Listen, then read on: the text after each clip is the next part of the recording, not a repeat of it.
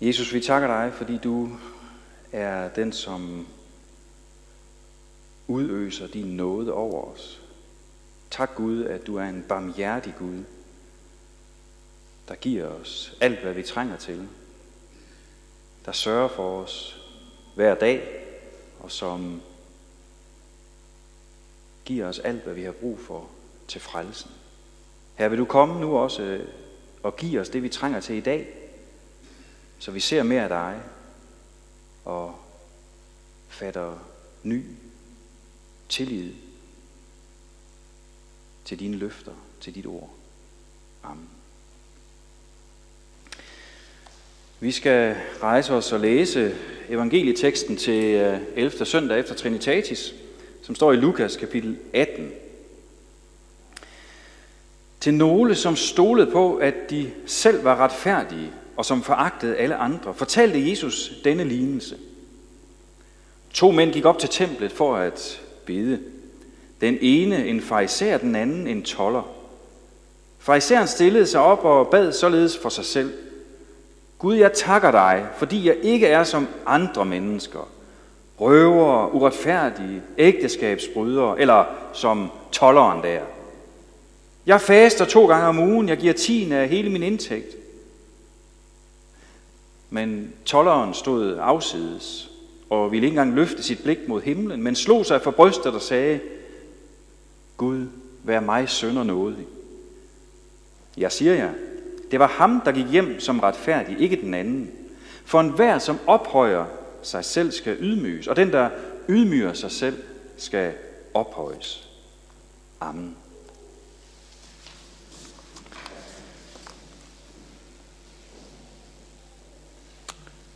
Er jeg livet værd? Det er måske en, øh, en lidt voldsom overskrift for dagens prædiken.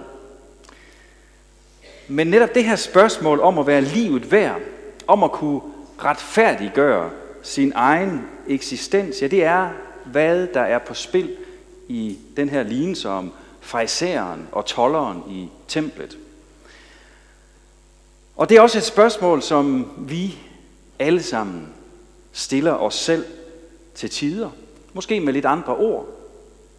Men det er et spørgsmål, alle mennesker tumler med. Det gjorde Luther også i sin anfægtelse som munk. Ja, der søgte og ledte Luther efter fred med Gud. Og han spurgte sig selv, hvordan bliver jeg retfærdig over for Gud? Som munk der troede han, at han skulle vinde Guds accept og, og, og Guds kærlighed igennem sine gerninger, igennem sin fromhed, igennem sin, sine åndelige discipliner. Hvordan bliver jeg livet værd, når jeg er så fuld af synd og uvilje mod Gud, spurgte Luther sig selv. Men han fandt ikke svaret i sin fromhed og i sine egne gerninger. I dag er der ikke så mange, der stiller det spørgsmål, som Luther gjorde. Hvordan bliver jeg retfærdig over for Gud? Hvordan, hvordan får jeg fred med Gud? I dag der spørger man nok oftere, hvordan får jeg fred med mig selv? Hvordan kan jeg realisere mig selv? Hvordan kan jeg få det maksimale ud af mit potentiale? Men under det her, der ligger under de her spørgsmål, der ligger den samme sag. Er jeg virkelig livet værd? Hvordan kan jeg retfærdiggøre min eksistens og mit liv her på jorden? Det var det, øh, fraiseren han forsøgte på. Det var det, han bestræbte sig på. Altså at retfærdiggøre sin, sit liv. Han ville vise sig selv og alle andre, at han var livet værd at han kunne retfærdiggøre sit liv og sin eksistens, og derfor så talte han højt og længe og meget selvtilfreds om alt det, han satte sin lid til for at vise Gud og andre mennesker, at han var værd at elske. Gennem mange års hårde studier på Toraskolen og en trofast indsats i synagogen, så var han blevet optaget i farisæernes prestigefyldte og magtfulde parti – alle kunne se og høre på ham, at han var en del af den religiøse elite. Han havde opnået det, han havde kæmpet for. Han havde bevist sin eksistensberettigelse over for sig selv og omverdenen. Og når vi sådan læser, hvad fariseren siger i sin bøn, så kan vi godt sådan ryste lidt på hovedet af ham. Ryste lidt af al den her selv, det her selvglade praleri. Altså, som jyder, så tænker vi måske, at han lyder lidt som sådan en vigtig pære af en københavnersnude, ham der fariseren, ikke? Men vi skal nok ikke dømme for hurtigt. Fordi vi har alle sammen den samme tendens som fariseren og københavnersnuden. Vores jyske sandrigtighed gør måske, at vi ikke altid råber så højt, og ikke bruger så store armbevægelser. Men vi vil nu gerne, at andre ser, hvor gode og succesfulde og hvor fromme vi er.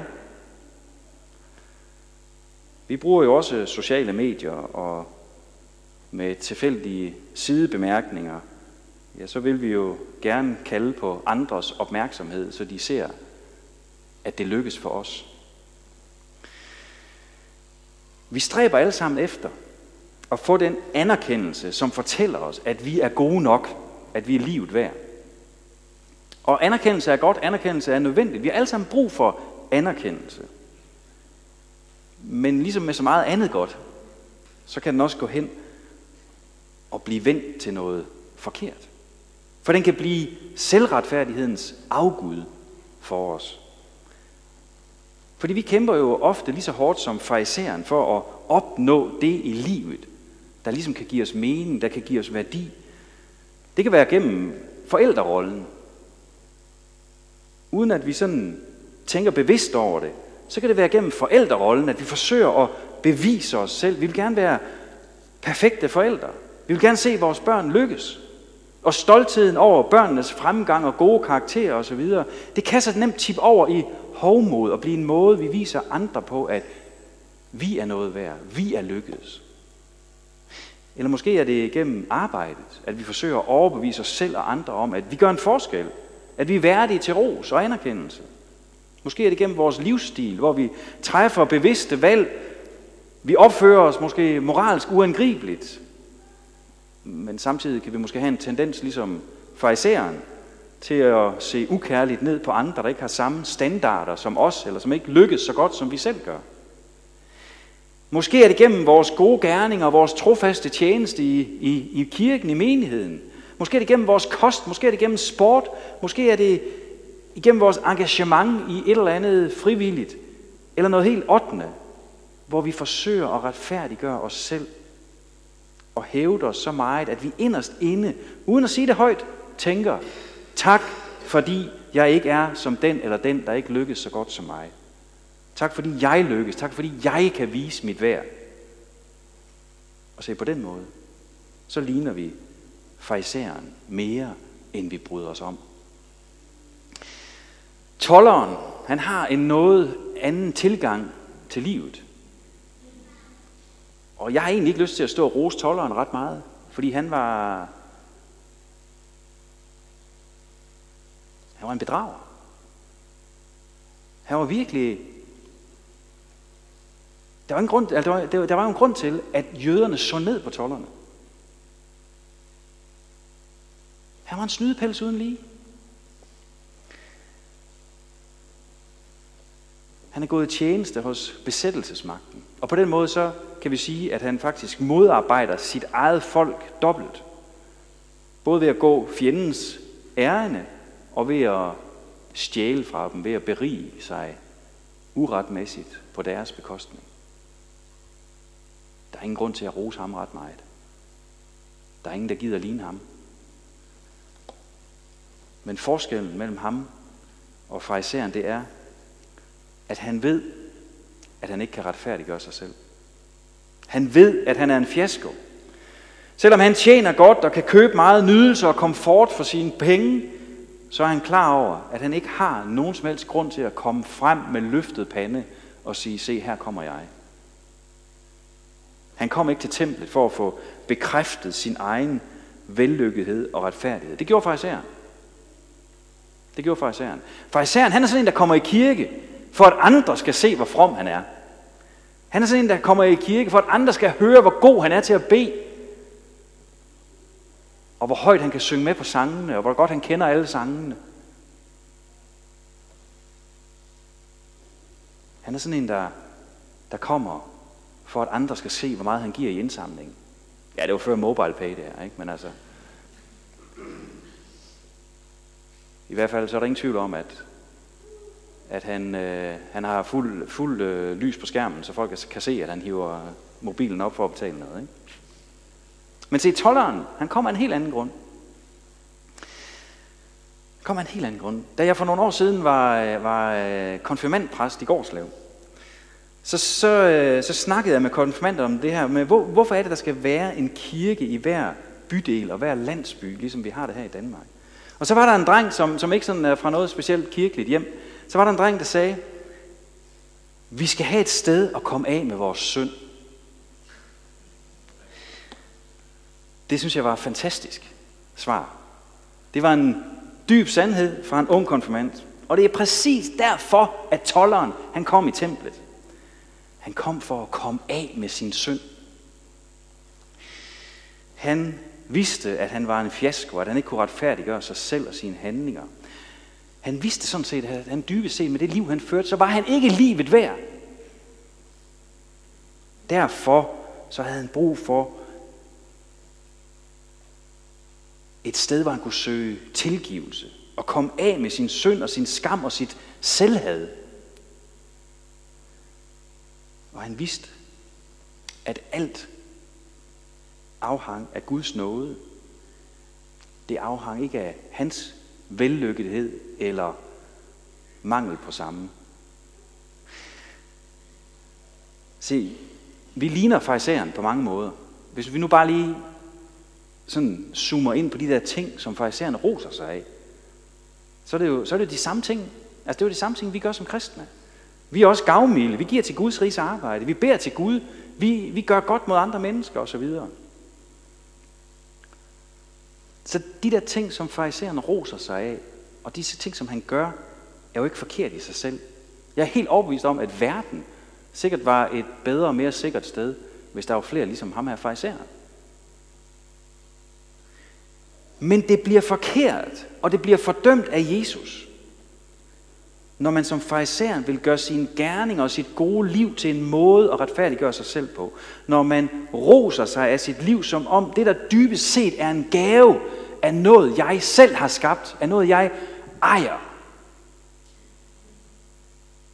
Det bliver faktisk til Guds bespottelse, når vi vil bruge vores gode moral og gode gerninger, vores fromme liv til at vise os frem for Gud og vise ham, at vi har gjort det godt, at vi er livet værd.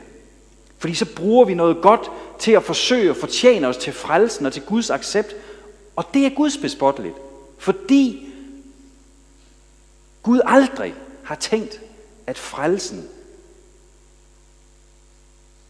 skulle gives ved fortjeneste. Han har aldrig nogensinde tænkt, at mennesker skulle fortjene sig til hans nåde og kærlighed. når vi bruger alt det, der egentlig er godt, til at fremstille os selv som rene, så kan vi også ende der, hvor vi har så svært ved at se, at vi egentlig har brug for Jesus. For især han havde jo ikke brug for noget som helst, han havde det hele selv. Og han gik altså ikke hjem som retfærdig. Han gik ikke hjem med fred med Gud.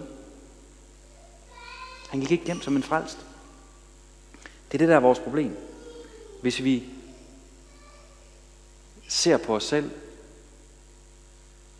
som så rene, at vi faktisk ikke har brug for Jesus. Luther han sagde det på den her måde. Vogt dig for at ville være så ren, at du ingen synder mere vil have. Kristus bor ikke noget andet sted end hos syndere. Det er derfor, at vi må følge tolleren i hans erkendelse af, ikke at at, at eje noget i os selv. Ikke at være noget i os selv, men alene være noget i kraft af Guds nåde. Se, det er en ydmyg indstilling til livet og til Gud. Ydmyg, fordi at vi gerne vil rose os. Vi gerne vil, at andre skal se os. Vi gerne vil, at det her det er min fortjeneste. Men når vi lader være med det, ja, så er det en ydmyg, så er det en ydmygelse for os. Men det er også en sand indstilling til livet. Fordi det er kun på grund af nåden og på grund af Guds kærlighed, at vi er, hvad vi er. Sådan sagde Paulus i det stykke, vi læste fra Korintherne før. Han, han var den ringeste af alle apostler. Han havde forfulgt kirken, men af Guds nåde er jeg, hvad jeg er. Og det må vi kunne sige alle sammen. Og i den her ydmyghed, så når vi møder Gud og livet med den her ydmyghed, at, at alt afhænger af ham, alt er en gave fra ham, intet kan jeg komme med, som, kan, som jeg kan bruge til at fortjene mig til Guds kærlighed. Når vi kommer til Gud med den her ydmyghed, så ser vi faktisk, at vi er livet værd. Ligegyldigt hvem vi er og hvad vi har opnået, fordi vi oplever og vi ser, at vi er alle skabt af Gud, og dermed så har vi alle sammen en uendelig stor værdi. Gud har formet og dannet os med kærlighed og puttet sit, sat sit stempel på os. Vi er skabt af den almægtige og har alle sammen værdi for ham. Vi behøver ikke at forsøge at forøge vores værdi ved at ophøje os selv, eller ved at, at prøve at retfærdiggøre os selv gennem vores gode karakterer, vores job, vores børn, vores moral, vores fromhed, eller de mål, vi opnår i livet. Vi er skabt af Gud. Og, og hans, hans generelle nåde, det, det er den nåde, som, som gælder alle mennesker. Guds generelle nåde. Ja, der får vi livet. Der får vi liv. Der får vi hvert eneste øjeblik, vi lever her. Af hans nåde kan vi åbne øjnene. Af hans nåde kan vi trække vejret. Af hans nåde har vi alt, vi kalder vores. Og tolleren minder os om, at vores fald og fejl og dårlig forvaltning af alt det, Gud har givet os, det betyder ikke, at vi er mindre værd, eller at Gud elsker os mindre. Han elsker os faktisk så højt, at han gav os sin søn, Jesus Kristus, som døde og opstod for os. Det gjorde han for at betale lige præcis for alle vores fejl, alle vores fald, for al vores selvretfærdighed. Og han gjorde det for at vise os, hvor højt Gud elsker os.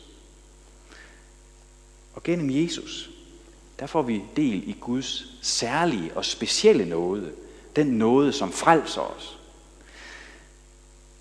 Den nåde, som renser os for al synd og gør os fuldstændig retfærdige i Guds øjne.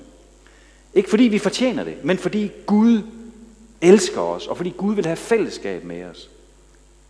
Det ser vi i dåben, hvor Guds nåde kommer før alle vores forsøg på at, at gøre det godt og retfærdiggøre os selv. Guds nåde kommer altid først. Og Guds nåde er alt, hvad vi har brug for. Og på grund af den specielle nåde ved troen på Jesus, så kan vi faktisk komme af med vores synd. Og vi kan have vidshed for, at vi er elskede, vi er retfærdiggjort af Jesus. Vi kan vide, at vi har fred med Gud.